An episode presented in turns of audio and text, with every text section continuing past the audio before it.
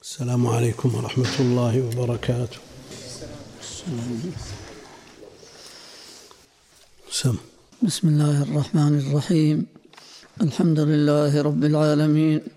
وصلى الله وسلم على نبينا محمد وعلى آله وصحبه والتابعين لهم بإحسان إلى يوم الدين. قال الشيخ محمد الأمين الشنقيطي رحمه الله تعالى قوله تعالى قال ما منعك ألا تسجد إذ أمرتك؟ قال بعض العلماء معناه ما منعك أن تسجد ولا صلة. ويشهد لهذا قوله تعالى في سورة صاد قال يا صلة. قل لا صلة. هذا أدب مع القرآن. وإلا فآل العربية يقولون زائدة. ولكون الصلة لا محل لها من الإعراب شبهوها بها من هذه الحيثية. قالوا صلة كأنها صلة موصول لا محل لها من الإعراب. وعلى كل حال كونها صلة متعين لأنها ذكرت وجاء عدم ذكرها في القرآن نفسه. وجاء في قوله جل وعلا فلا أقسم بمواقع النجوم. لا يتعين أن تكون صلة لأنه قال بعد ذلك وإنه لقسم قسم مثبت مؤكد وإنه لقسم لو تعلمون عظيم. ولذا يذكر عن الحسن البصري قراءة حذف لا وإثبات لام التأكيد. فلا أقسم فلا أقسم بمواقع النجوم. جعلها لام مؤكدة بدلا من لا. وعلى كل حال في الموضع الذي معنا ما منعك ألا تسجد. وفي سورة صاد ما منعك أن تسجد. لو كان الأصل ثبوت لا لقال عنه أهل العربية ممن يقر بالمجاز قال في الآية الثانية مجاز الحذف كما قالوا في قوله جل وعلا في سورة الكهف قال ألم أقل إنك لن تستطيع معي صبرا؟ في الآية الثانية قال ألم أقل لك؟ قالوا في الآية مجاز الحذف. وعلى كل حال إثبات المجاز ونفيه مسألة معروفة عند أهل العلم والخلاف فيها مشهور والمحققون لا يرون آه، ثبوت المجاز لا سيما في النصوص في الكتاب والسنة لأنهم يستدلون على عليه بجواز نفيه وليس في كلام الله وكلام رسوله ما يجوز نفيه. وهذه المسألة تكلم عليها الشيخ في دفعها من الاضطراب وهو معنى الكتاب. نعم. ويشهد لهذا قوله تعالى في سورة صاد قال يا إبليس ما منعك أن تسجد لما خلقت بيدي؟ الآية وقد أوضحنا زيادة لفظة لا.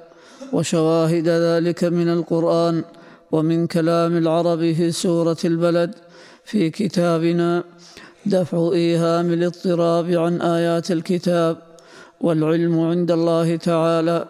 نسمع ما قاله الشيخ في هذه المسألة من الكتاب المشار إليه من أول السورة عكس ما ما ذكر هنا وهو كلام عامي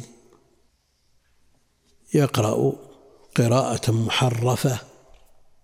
وقد سمعته يؤم الناس. ثم لتسألن يومئذ عن النعيم. ماذا قرأها؟ ثم لا تسألن. قلب المعنى. قلب المعنى. يقرأها في الصلاة. نعم.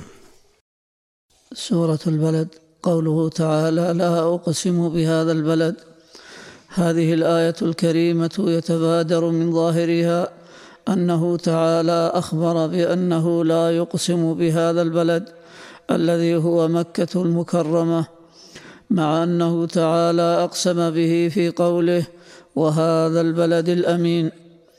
والجواب من أربعة وجوه الأول وعليه الجمهور أن لا هنا صلة على عادة العرب فإنها ربما لفظت بلفظة لا من غير قصد معناها الأصلي بل لمجرد تقوية الكلام وتوكيده كقوله ما منعك إذ رأيتهم ضلوا ألا تتبعن يعني أن تتبعني وقوله ما منعك ألا تسجد أي تسجد أي تسجد على أحد القولين ويدل له قوله في سورة صاد ما منعك أن تسجد لما خلقت؟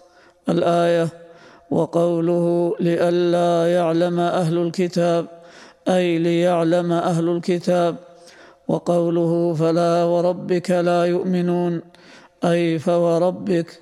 وقوله ولا تستوي الحسنة ولا السيئة أي والسيئة وقوله وحرام على قرية أهلكناها أنهم لا يرجعون. على أحد القولين وقوله وما يشعركم أنها إذا جاءت لا يؤمنون. على أحد القولين وقوله قل تعالوا أتل ما حرم ربكم عليكم ألا تشركوا. على أحد الأقوال الماضية. وكقول أبي النجم فلا ألوم البيض ألا تسخرا. لما رأينا الشم طلق فاندرا. يعني أن تسخر. وكقول الشاعر ويلحينني في اللهو ألا أحبه. وللهو داع دائب غير غافل. يعني أن أحبه ولا زائده. وقول الآخر أبى جوده للبخل واستعجلت به واستعجلت به. نعم من فتى لا يمنع الجود قاتله. يعني أبى جوده البخل ولا زائدة على خلاف في زيادتها في هذا البيت الأخير ولا سيما على رواية البخل بالجر لأن لا عليها مضاف بمعنى لفظة لا فليست زائدة على رواية الجر. وقول امرئ القيس فلا وأبيك ابنة العامر لا يدعي القوم أني أفر. يعني وأبيك. وأنشد الفراء لزيادة لا في الكلام الذي فيه معنى الجحد. قول الشاعر ما كان يرضى رسول الله دينهم والأطيبان أبو بكر ولا عمر يعني وعمر ولا صلة. وأنشد الجوهري لزيادتها قول العجاج في بئر لا حور سرى وما شعر بإفكه حتى رأى الصبح جشر. فالحور الهلكة يعني في بئر هلكة ولا صلة قاله أبو عبيدة وغيره. وأنشد الأصمعي لزيادتها قول ساعدة قول ساعدة الهذلي أفعنك لا برق كأن وميضه غاب تسنمه ضرام مثقب ويروى أفمنك وتشيمه بدل أفعنك وتسنمه يعني أعنك برق ولا صلة ومن شواهد زيادتها قول الشاعر تذكرت ليلى فاعترتني صبابة وكاد صميم القلب لا يتقطع يعني كاد يتقطع. وأما استدلال أبي عبيدة لزيادتها بقول الشماخ أعائش ما لقومك لا أراهم يضيعون الهجان مع المضيع فغلط منه لأن لا في بيت الشماخ هذا نافية لا زائدة. ومقصوده أنها تنهاه عن حفظ ماله مع أن أهلها يحفظون مالهم. أي لا أرى قومك يضيعون مالهم وأنت تعاتبينني في حفظ مالي. وما ذكره الفراء من أن لفظة لا لا تكون صلة إلا في الكلام الذي فيه معنى الجحد. فهو أغلبي لا يصح على الإطلاق بدليل بعض الأمثلة المتقدمة التي لا جحد فيها. كهذه الآية على القول بأن لا فيها صلة وكبيت ساعدة الهدلي. وما ذكره الزمخشري من زيادة لا في أول الكلام دون غيره فلا دليل عليه. الوجه الثاني أن لا نفي لكلام المشركين المكذبين المكذبين للنبي صلى الله عليه وسلم وقوله أقسم إثبات مستأنف وهذا القول وإن قال به كثير من العلماء فليس بوجيه عندي. لأنه يحتاج إلى تقدير بعد لا. ثم تستأنف الكلام المثبت. ها؟ نعم. مثل؟ لا. في آية النمل. ألا يسجدوا ألا لا. يصلح. ألا يسجدوا ألا يسجدوا ألا يا هؤلاء اسجدوا. فيحتاج إلى تقدير. نعم. وهذا القول وإن قال به كثير من العلماء فليس بوجيه عندي لقوله تعالى في سورة القيامة ولا أقسم بالنفس اللوامة لأن قوله تعالى ولا أقسم بالنفس اللوامة يدل على أنه لم يرد الإثبات المؤتنف بعد النفي بقوله أقسم والله تعالى أعلم. الوجه الثالث أنها حرف نفي أيضا ووجهه أن إنشاء القسم نفي القسم. بالنفس اللوامة متجه فهي على بابها. فلا يحتاج إلى تقدير نفي كلام للمشركين ثم نفيه. نعم. ووجهه أن إنشاء القسم يتضمن الإخبار عن تعظيم المقسم به. فهو نفي لذلك الخبر الضمني على سبيل الكناية والمراد أنه لا يعظم بالقسم بل هو في نفسه عظيم أقسم به اولا أو لا. أقسم به أو لا. هو عظيم في نفسه. حتما ها؟ سواء اقسم به أو لم يقسم به. حط مشكلة حط شدة؟ لا فتحتين. ها؟ حاطن فتحتين. لا أقسم به أو أولا. لا. هو عظيم سواء أقسم به أو لم يقسم به. نعم. وهذا القول ذكره صاحب الكشاف وصاحب روح المعاني ولا يخلو عندي من بعد. الوجه الرابع أن اللام لام الابتداء أشبعت فتحتها. والعرب ربما أشبعت الفتحة بألف والكسرة بياء والضمة بواو. هذا ما ينسب إلى الحسن.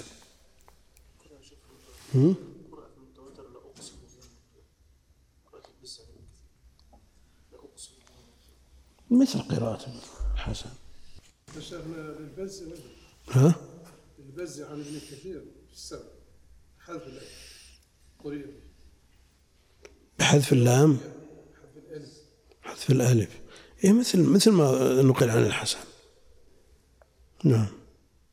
فمثاله في الفتحة قول عبد يغوث بن وقاص الحارثي وتضحك مني شيخة عبشمية كأن لم تري قبلي أسيرا يمانيا فالأصل كأن لم ترى ولكن الفتحة أشبعت. وقول الراجز إذا العجوز غضبت فطلق ولا ترضاها ولا تملق. فالأصل ترضها لأن الفعل مجزوم بلا الناهية. وقول عنترة في معلقته ينباع. جل وعلا إنه من يتقي ويصبر بالإشباع. ألم يأتيك والأنباء تنمي؟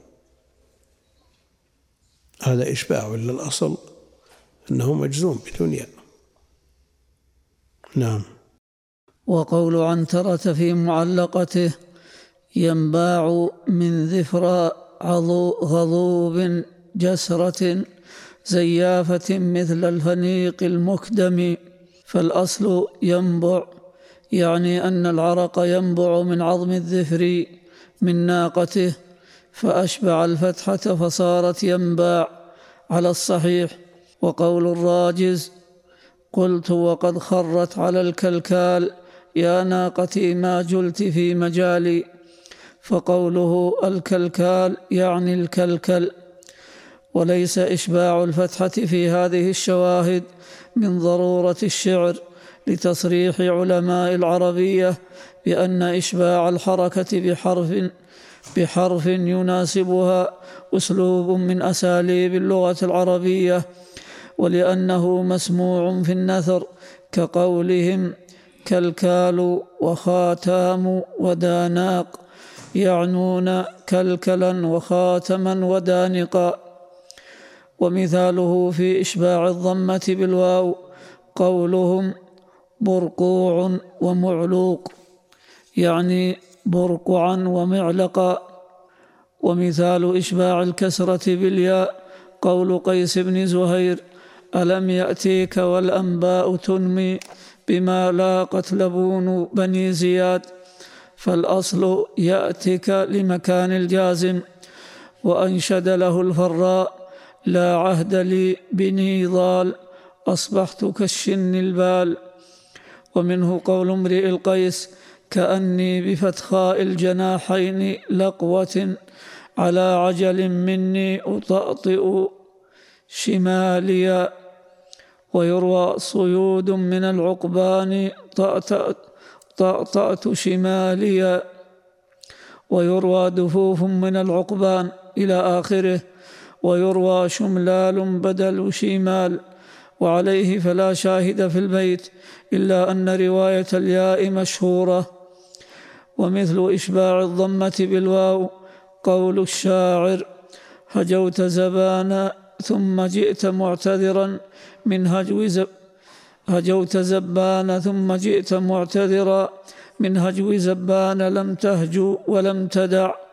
وقول الآخر الله أعلم أنا في تلفتنا يوم الفراق إلى إخواننا صور وأنني حيثما يثني الهوى بصري من حيث ما سلكوا أدنو فأنظر. يعني فأنظر. وقول الراجز لو أن عمرا هم أن يرقود فانهض فشد المئزر المعقود يعني يرقد. ويدل لهذا الوجه قراءة قنبل لا أقسم بهذا البلد. بلام الابتداء وهو مروي عن البزي والحسن والعلم عند الله تعالى. وعلى هذا لا يتجه القول بأنها صلة أن كونها صلة ينافي كونها مؤكدة. نعم. قوله تعالى قال أنا خير منه خلقتني من نار وخلقته من طين. ذكر في هذه الآية الكريمة أن إبليس لعنه الله خلق من نار. وعلى القول بأن إبليس هو الجان الذي هو أبو الجن فقد زاد في مواضع أخر أوصافا للنار التي خلقه منها. من ذلك أنها نار السموم كما في قوله والجان خلقناه من قبل من نار السموم ومن ذلك أنها خصوص المارج كما في قوله وخلق الجان من مارج من نار والمارج أخص من مطلق النار لأنه اللهب الذي لا دخان فيه وسميت نار السموم لأنها تنفذ في مسام البدن لشدة حرها. وفي صحيح مسلم عن عائشة رضي الله عنها مرفوعا خلقت الملائكة من نور وخلق الجان من مارج من نار وخلق آدم مما وصف لكم ورواه عنها أيضا الإمام أحمد. قوله تعالى قال فاهبط منها فما يكون لك أن تتكبر فيها فاخرج إنك من الصاغرين. يعني كونه خرج خلق مارج من نار لا ينفي الإطلاق في كون الجن خلقوا من نار. يعني لأن هذا جزء منه ويصح الإطلاق حينئذ. نعم. قوله تعالى قال فاهبط منها فما يكون لك أن تتكبر فيها فاخرج إنك من الصاغرين. بين تعالى في هذه الآية الكريمة أنه عامل إبليس اللعين بنقيض قصده حيث كان قصده التعاظم والتكبر. فأخرجه الله صاغرا حقيرا ذليلا متصفا بنقيض ما كان يحاوله من العلو والعظمة. وذلك في قوله إنك من الصاغرين والصغار أشد الذل والهوان. وقوله أخرج منها مذءوما مدحورا. ونحو ذلك من الآيات. ويفهم من الآية أن المتكبر لا ينال ما أراد من العظمة والرفعة إنما يحصل له نقيض ذلك. وصرح تعالى بهذا هذا مجرب حتى في حياة الناس. إذا حضر إنسان في مجلس ورأى أن له شأنا بينهم وتوقع أنهم يقدمونه الذي يحصل في الغالب خلاف ذلك. الذي يحصل للغالب خلاف ذلك. ولذلك خلق المؤمن التواضع وأن لا يرى لنفسه حقا ولا يرى له عن غيره رفعة ومكانة فإن رأى ذلك عوقب بنقيض قصده. نعم. وصرح تعالى بهذا المعنى في قوله إن في صدورهم إلا كبر ما هم ببالغيه. وبين في مواضع أخر كثيرا من العواقب السيئة التي تنشأ عن الكبر أعاذنا الله والمسلمين منه. فمن ذلك أنه سبب لصرف صاحبه عن فهم آيات الله والاهتداء بها. كما في قوله تعالى سأصرف عن آياتي الذين يتكبرون في الأرض بغير الحق. الآية وبهذا استدل السقاف في رسالة له في العلم وطلبه وآدابه الرد على من اتهم شيخ الإسلام بالكبر. بعض من ترجم له قال أنه يترفع في بعض المواضع ويرى نفسه. قال السقاف وهذا الكلام باطل. لأن الله جل وعلا قال سأصرف عن آياتي الذين يتكبرون في الأرض. وشيخ الإسلام القرآن على طرف لسانه وعلى أسلة بنانه. لو كان متكبر ما صار بهذه. أحيانا يشم من بعض التعبيرات عند ابن القيم أن فيها نوع رؤية للنفس وللعلم الذي يتوصل إليه ويوضحه ويبينه فتجده يطلق بعض العبارات يحث على الحرص على فهم هذا الكلام وحفظه ثم يقول علك ألا تجده في مصنف آخر البتة. يقول هذا ما يوجد عند غيري وليس هذا مراده. وإنما إراده مراده حفظ الهمم وحث الطلاب طلاب العلم على أن يعنوا بهذا الكلام الذي تعب عليه هذا الإمام ولا يلزم منه أن يترفع به أو يتكبر به على غيره. نعم. ومن ذلك أنه من أسباب الثواء في النار كما في قوله تعالى أليس في جهنم مثوى للمتكبرين؟ وقوله ذلك بأنهم كانوا إذا قيل لهم إذا قيل لهم لا إله إلا الله يستكبرون. ذلك؟ إنهم كانوا. إنهم كانوا. هذا الصواب. إنهم كانوا إذا قيل لهم لا إله إلا الله يستكبرون. ومن ذلك أن صاحبه لا يحبه الله تعالى كما في قوله لا جرم أن الله يعلم ما يسرون وما يعلنون. إنه لا يحب المستكبرين. ومن ذلك أن موسى استعاذ من المتصف به ولا يستعاذ إلا مما هو شر كما في قوله وقال موسى إني عذت بربي وربكم من كل متكبر من كل متكبر لا يؤمن بيوم الحساب. إلى غير ذلك من نتائجه السيئة وعواقبه الوخيمة. ويفهم من مفهوم المخالفة في الآية أن المتواضع لله جل وعلا يرفعه الله. وقد أشار تعالى إلى مكانة المتواضعين له عنده في مواضع أخر كقوله وعباد الرحمن الذين يمشون على الأرض هونا وإذا خاطبهم الجاهلون قالوا سلاما وقوله قد ذم السلف التماوت في المشي. وهذا ليس من هذا. التماوت إظهار النفس بخلاف ما هي عليه. بخلاف من جبل على التواضع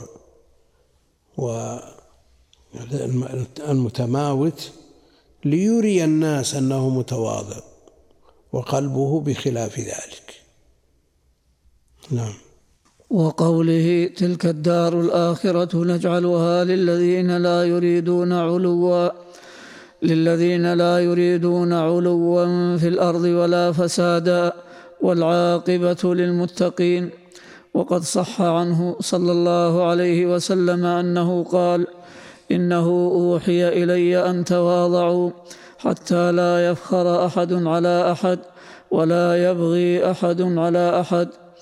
وقد قال الشاعر تواضع تكن كالبدر تبصر وجهه على صفحات الماء وهو رفيع ولا تك كالدخان يعلو بنفسه إلى, صفح إلى صفحات الجو وهو وضيع. وقال أبو الطيب المتنبي ولو لم يعلو إلا ذو محل. يقول تواضع تكن كالنجم لاح لناظر على صفحات الماء وهو رفيع. ولا تك كالدخان يعلو بنفسه إلى طبقات الجو وهو وضيع. يعني المعنى واحد لكن وقال أبو الطيب المتنبي ولو لم يعلو إلا ذو محل تعالى الجيش وانحط القتام. قوله تعالى قال أنظر. نعم. تعالى الجيش. ترفع عن الجيش. يعني كان أوساط الناس ومن دونهم لا قيمة لهم في الحياة. لو لم يعلو إلا ذو محل كان علية القوم ورؤساؤهم لهم المكانة كلها وأولئك ليس لهم شيء وانحط وانحط القتام. نعم. قوله تعالى قال أنظرني إلى يوم يبعثون قال إنك من المنظرين. لم يبين هنا في سورة الإعراف في سورة الأعراف الغاية التي أنظره إليها وقد ذكرها في الحجر وصاد مبينا أن غاية ذلك الإنظار هو يوم الوقت المعلوم لقوله تعالى في سورة الحجر وصاد إنك من المنظرين إلى يوم الوقت المعلوم. فقد طلب الشيطان الإنظار إلى يوم البعث وقد أعطاه الله الإنظار إلى يوم الوقت المعلوم. وأكثر العلماء يقولون المراد به وقت النفخة الأولى والعلم عند الله تعالى. لأنها تنتهي مهمته وهي إغواء الناس. إذا نفخ في الصور انتهت المهمة. نعم. قوله تعالى ولا تجد أكثرهم شاكرين هذا الذي ذكر إبليس أنه سيوقع بني آدم فيه. قاله ظنا منه أنهم سيطيعونه فيما يدعوهم إليه حتى يهلكهم.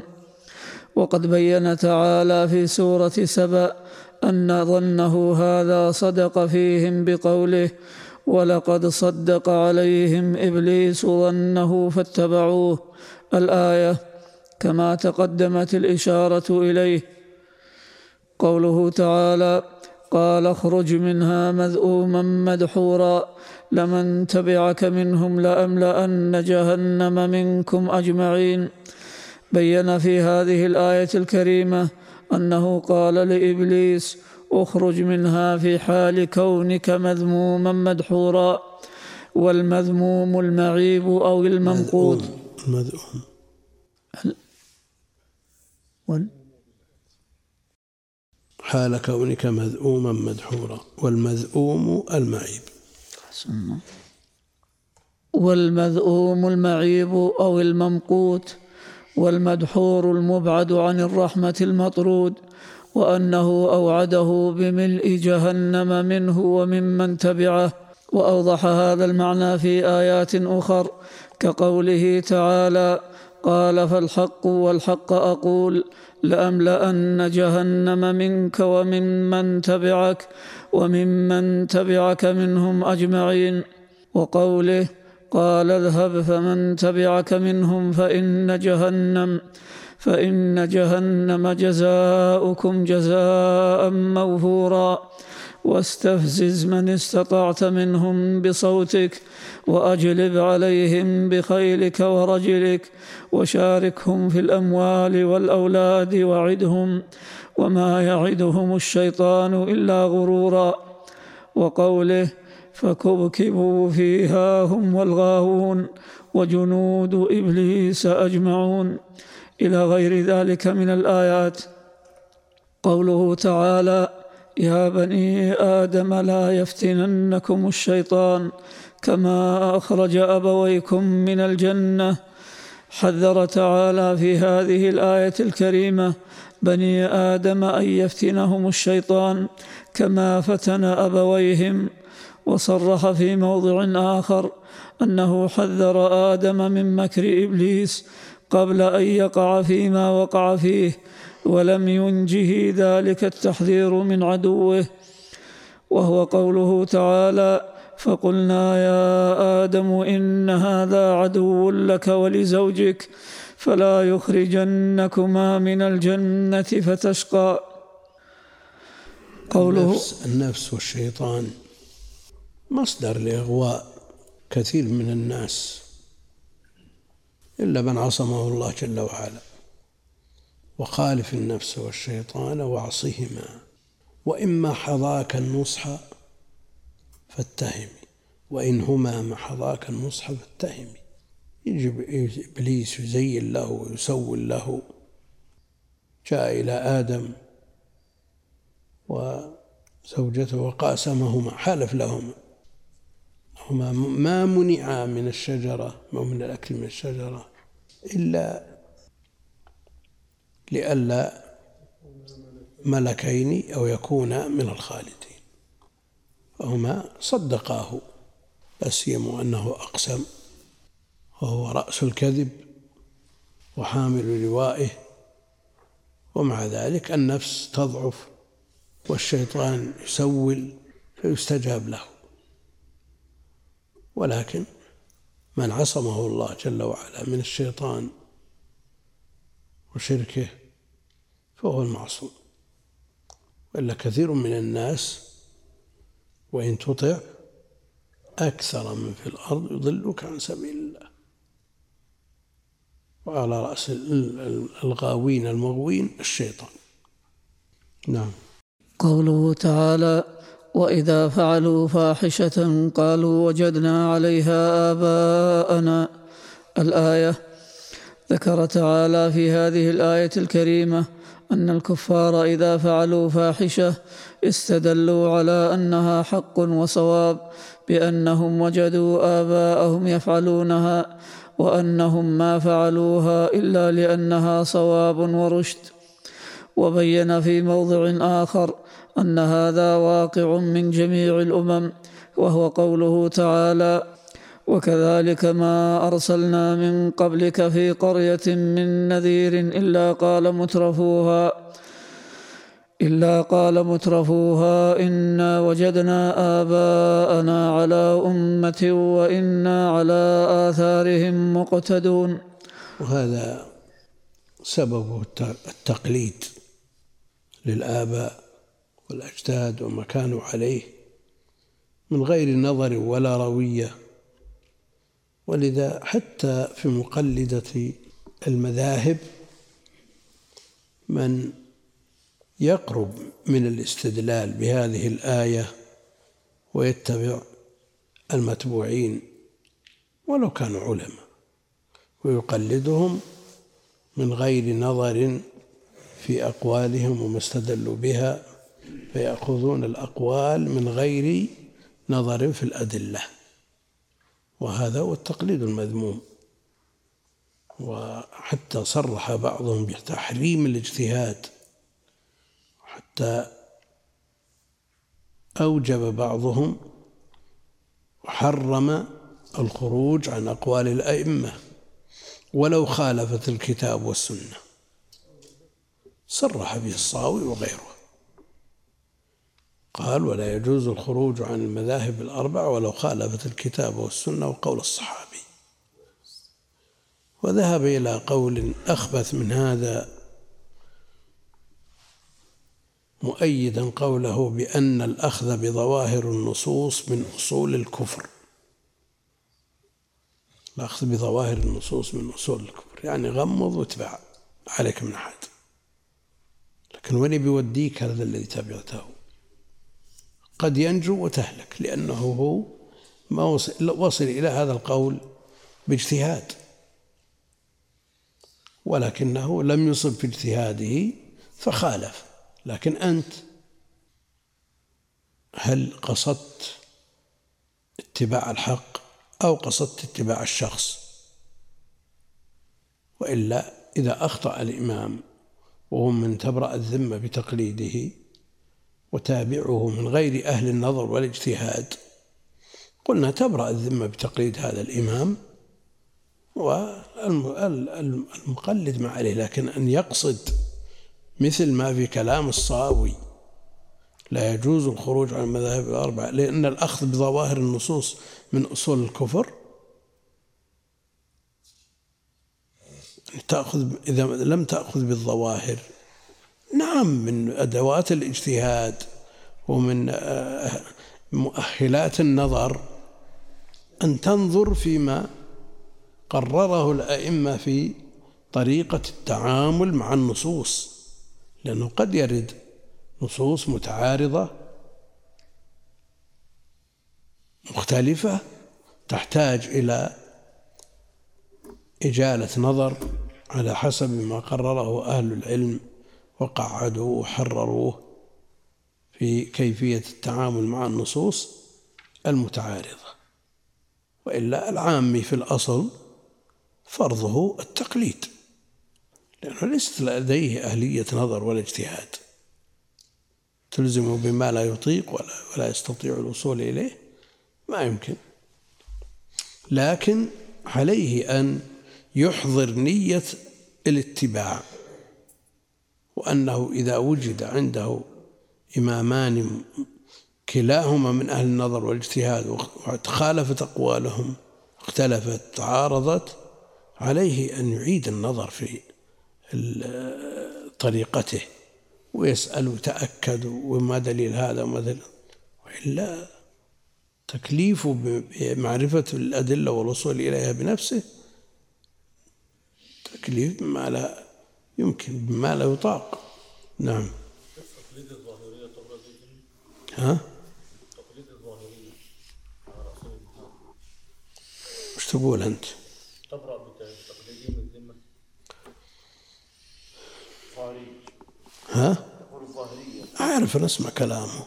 وأنا مع, مع هذه المسألة من أكثر من أربعين سنة حتى أني سألت الشيخ ابن باز وقلت له إذا كان الدليل وليس في معارضة صريحة إذا ورد دليل فيه أمر أو نهي وعامة أهل العلم حملوا الأمر على الاستحباب والنهي على الكراهة ولم يقل بالوجوب أو التحريم إلا الظاهرية.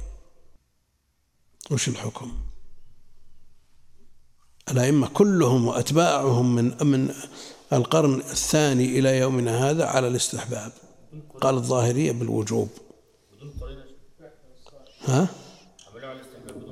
إي لكن لا بد أن تتهم نفسك. أنت في قرينة ما توصلت إليها. ممكن؟ ولا الملايين المؤننة من من من من هذه الجموع الغفيرة التي تقصد الحق وتبحث عنه أئمة كبار أهل علم وعمل وأهل نصوص واتباع واقتفاء. وخوف وخشية من الله جل وعلا. يخالفون مراد الله جل وعلا بمجرد تشهي. نعم. حاشا وكلا فالمسألة تحتاج إلى إعادة نظر. نعم. ها؟ إيش قال؟ توقف كثيرا طويلا ثم قال الحكم النص.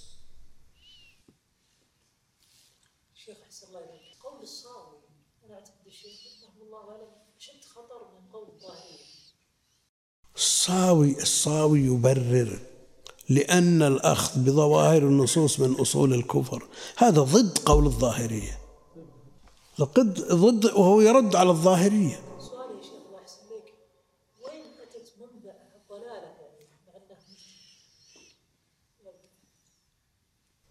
من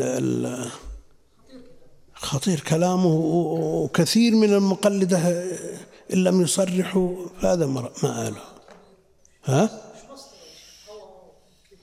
أقول كالمقلدة الذين لا ينظرون في شيء إلا قول الإمام تدري أن واحد من المتعصبة الحنفية لما صلى بجانبه شخص يرفع إصبعه في التشهد ماذا صنع؟ ها؟ كسر إصبعه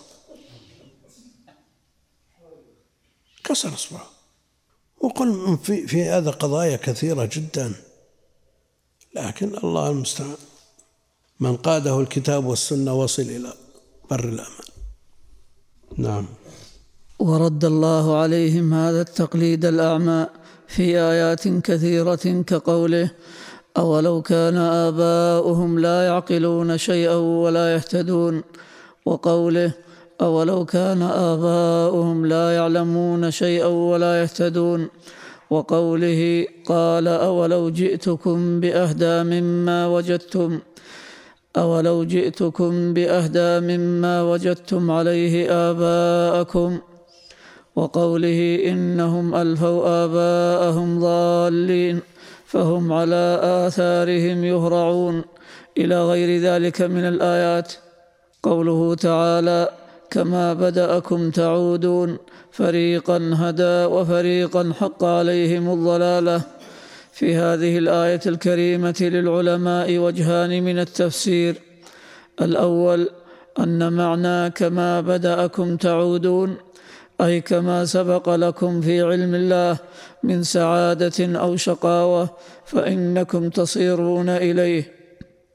فمن سبق له العلم بأنه سعيد صار إلى السعادة ومن سبق له العلم بأنه شقي صار إلى الشقاوة. ويدل لهذا الوجه قوله بعده فريقا هدى وفريقا حق عليهم الضلالة. وهو ظاهر كما ترى. ومن الآيات الدالة عليه أيضا قوله تعالى هو الذي خلقكم فمنكم كافر ومنكم مؤمن. وقوله ولذلك خلقهم الآية أي ولذلك الاختلاف إلى شقي وسعيد خلقهم.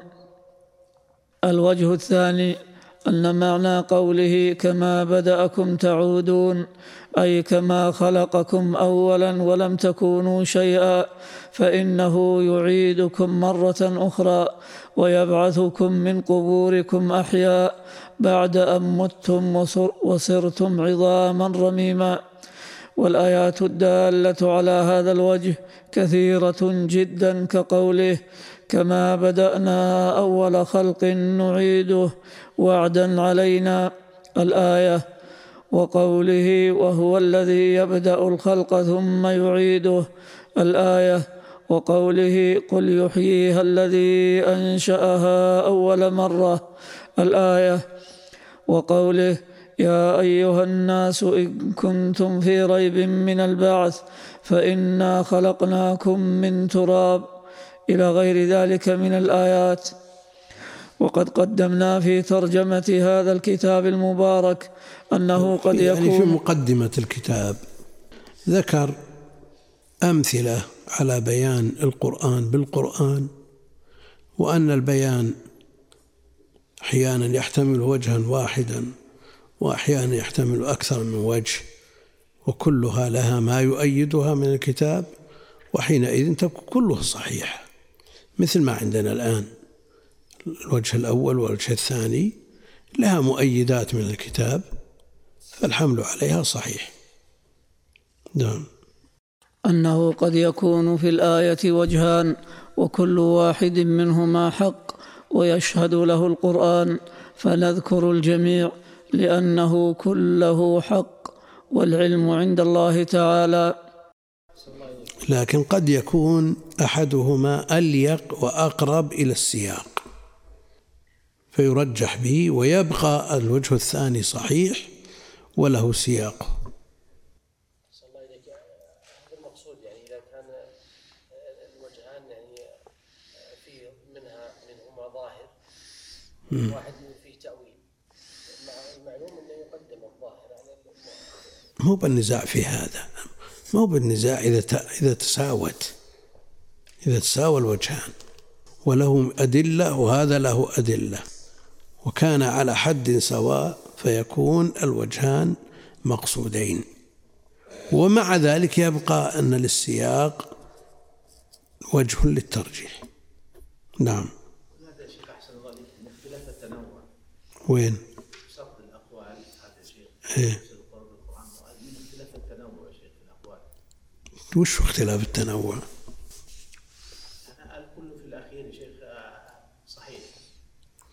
أنا أقول مثل اختلاف التنوع. هل منه هذا؟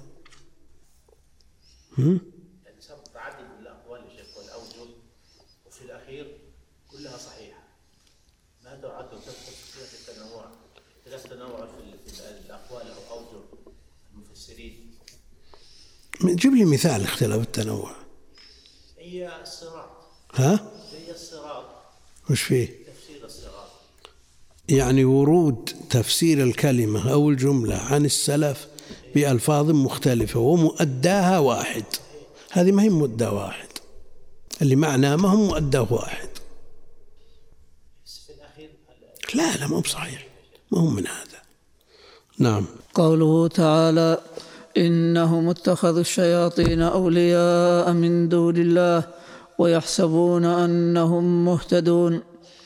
بين تعالى في هذه الآية الكريمة أن الكفار اتخذوا الشياطين أولياء من دون المؤمن من دون الله ومن تلك الموالاة طاعتهم له فيما يخالف ما شرعه الله تعالى ومع ذلك يظنون أنفسهم على هدى.